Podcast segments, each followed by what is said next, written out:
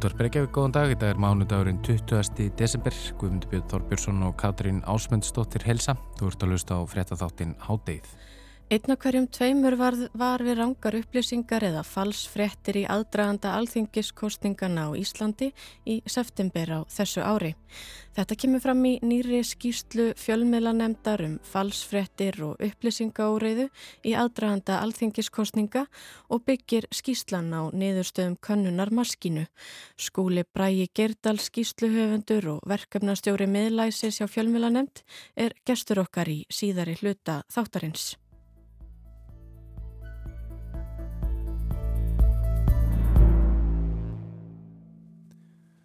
Minst 200 manns mistu lífið í ofur fellibilnum Ræ sem skall á sunnanverðum ströndum Filipsegja á 5. dags morgun. 100 særðust og enn er 50 saknað en bilurinn er talin hafa haft áhrif á um 700.000 manns. Frá því hann gekk yfir hefur gengið á með flóðbylgjum og örskriðum og óttast er að fleiri mannslíf hafi glatast í eftirkostunum. Katrín tekur nú við.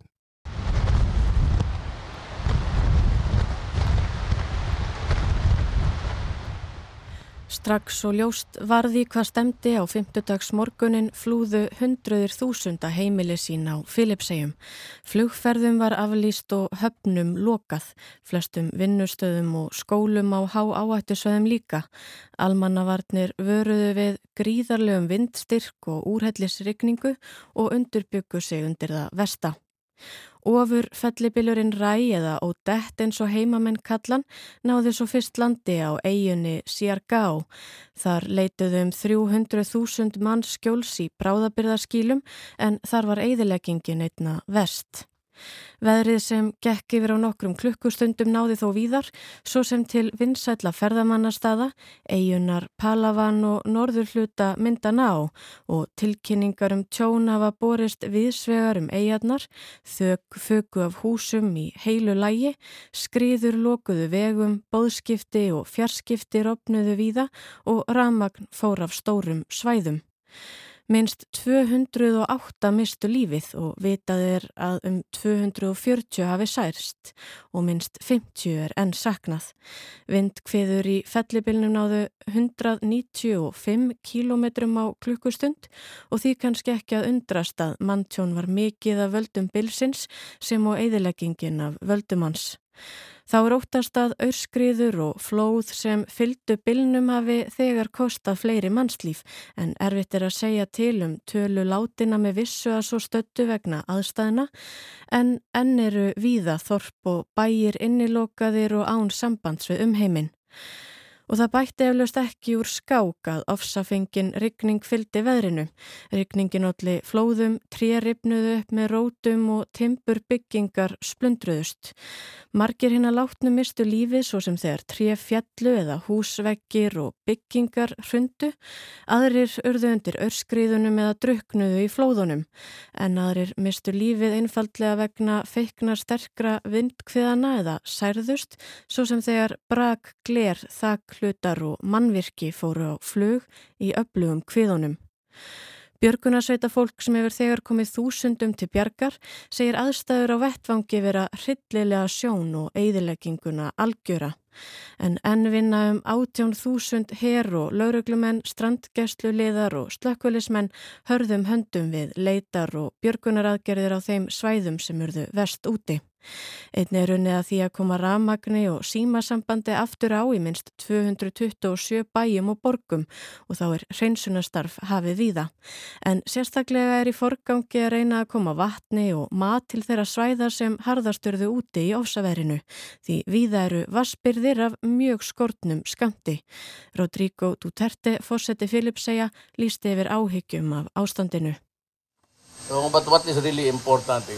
sabi ko itong ganito, tubig pati pagkain.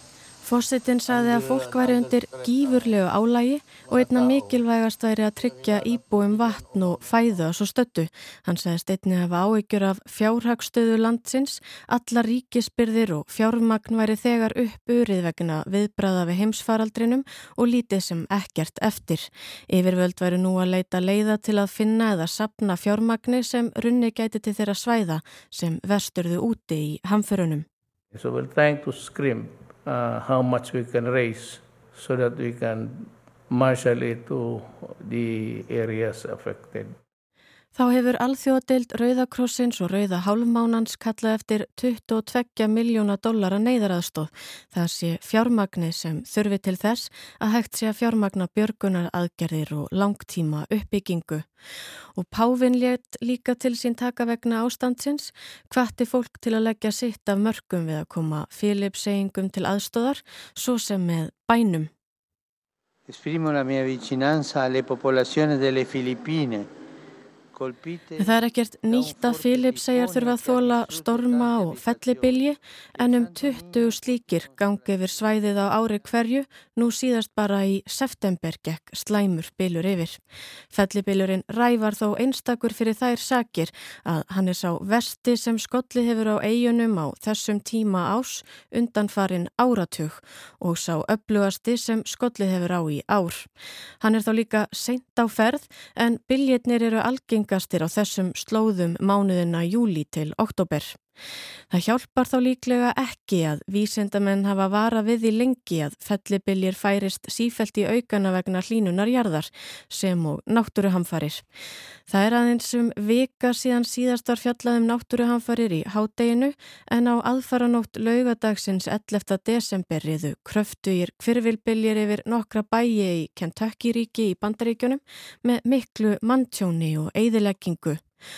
Óverið var þá sagt eitt að versta í minnum manna en ef ekki verður gripið inn í þróun loftslagsvárinar með nægilega hröðum og öflugum hætti er spurning hvort það verði setning sem við fyrum að nota oftar og oftar óvinnsælt met sem verður slegið oftar og oftar.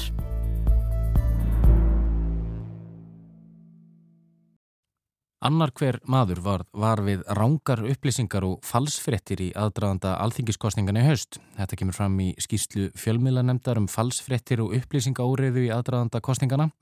Skýslan var kynnt í síðustu viku og byggir hún á niðurstöðum könnunar sem maskina framkvæmdi fyrir fjölmiðlanemd og var lögð fyrir dagana eftir kostningar. Skúli Bræði Geirdal, verkefnastjóri miðlalæsis hjá fjölmiðlanemd, hann er sestir okkur, velkomin Skúli. Takk fyrir það. Ég Þeir eru náttúrulega að vinna úr þessum nýðustuðum þessar konurnar, maskinu og það er ótaf að segja að það kenni ímis að grasa þarna. Eh, Kanski byrjar að segja mér af hverju vil ég láta framkama þarna konunum upplýsingórið og falsfrittir og þá, og þá við tengslu við alþingiskostningar.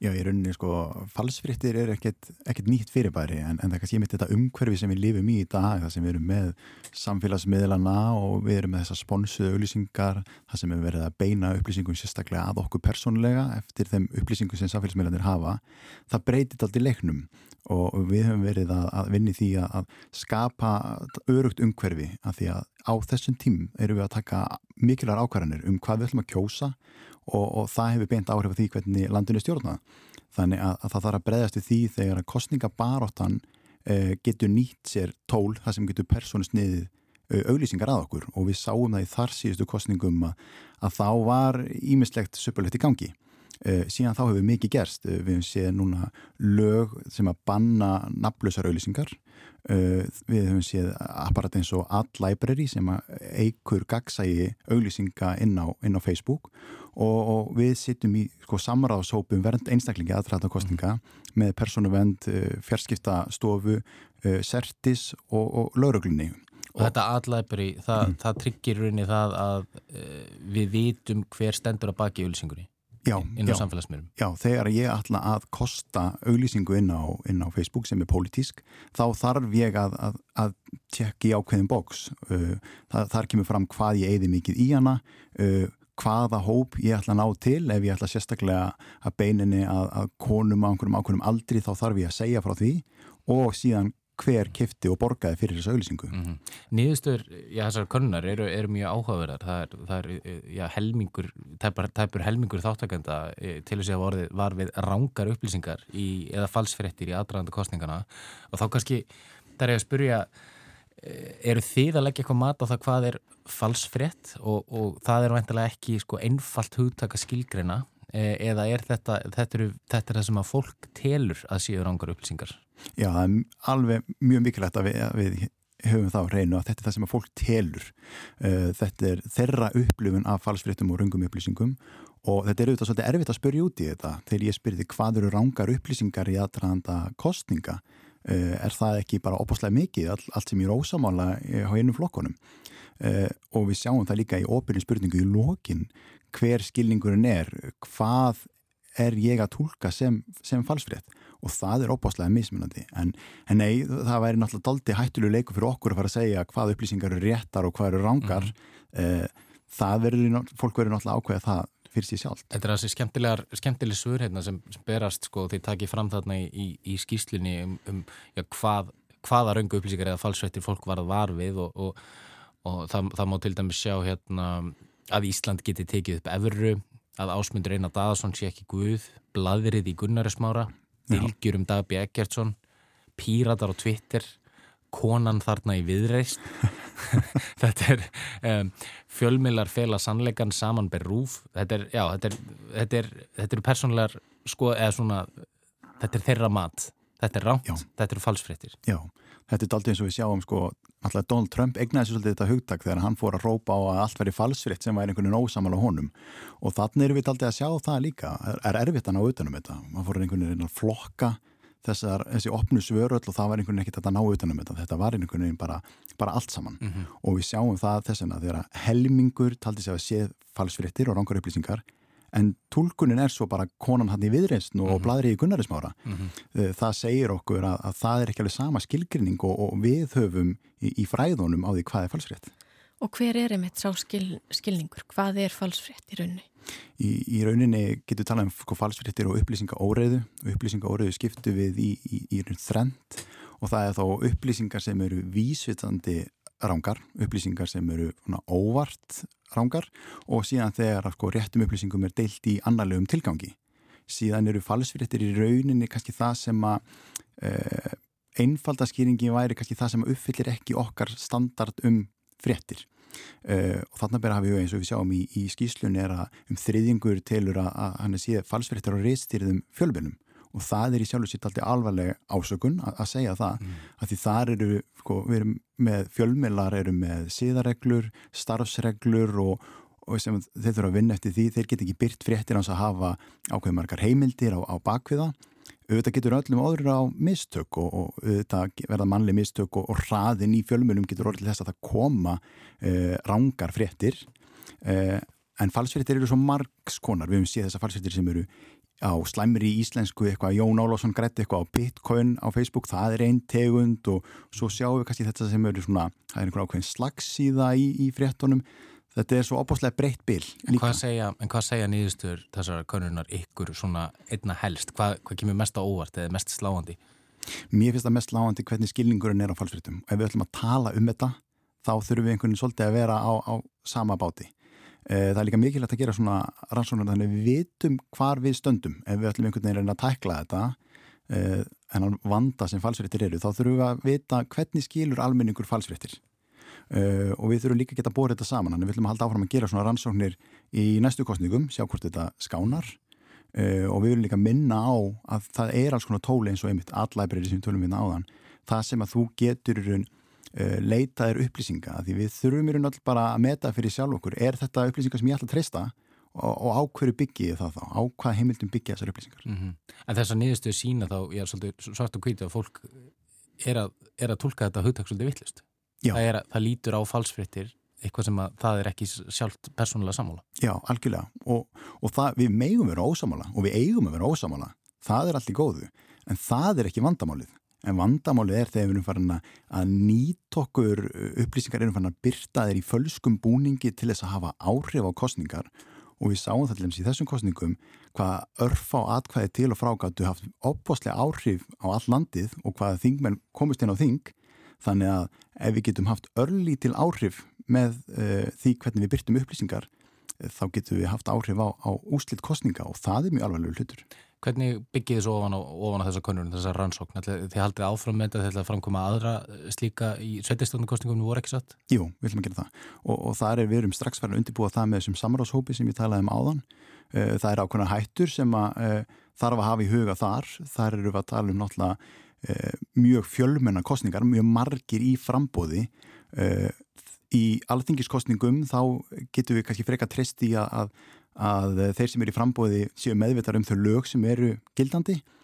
Getur við treyst því að þessi fjöldi sem er í frambóði fyrir sveitarstjórnarkostningar viti hvað það lög er í gildi og það megi ekki verið með nafnlausar auðlýsingar það eru fleiri hættur í sveitarstjórnarkostningunum Vitum við eitthvað um til dæmis einhvern samanburð hvort að þetta sé færast í aukana falsfrettir í aðdrandakostninga hér á landi eða hvar við stöndum til dæmis í samanburð við önnu lönd hvað þetta varðar? Sko, þegar við höfum verið að rannsaka falsfrettir eh, þá hefur við mikið verið að bera okkur saman með hinn Norðurlöndin. Og þar erum við að sjá að við erum að sjá miklu meira af falsfrettum upplýsingavoröðu hér. En það gæti líka verið út frá þeim skilningi sem við erum að tala um á okkar á falsfréttum. Og, og kannski eru falsfrétti bara ekkert gott orð eða gott hugtak til þess að vera að vinna með hreinlega.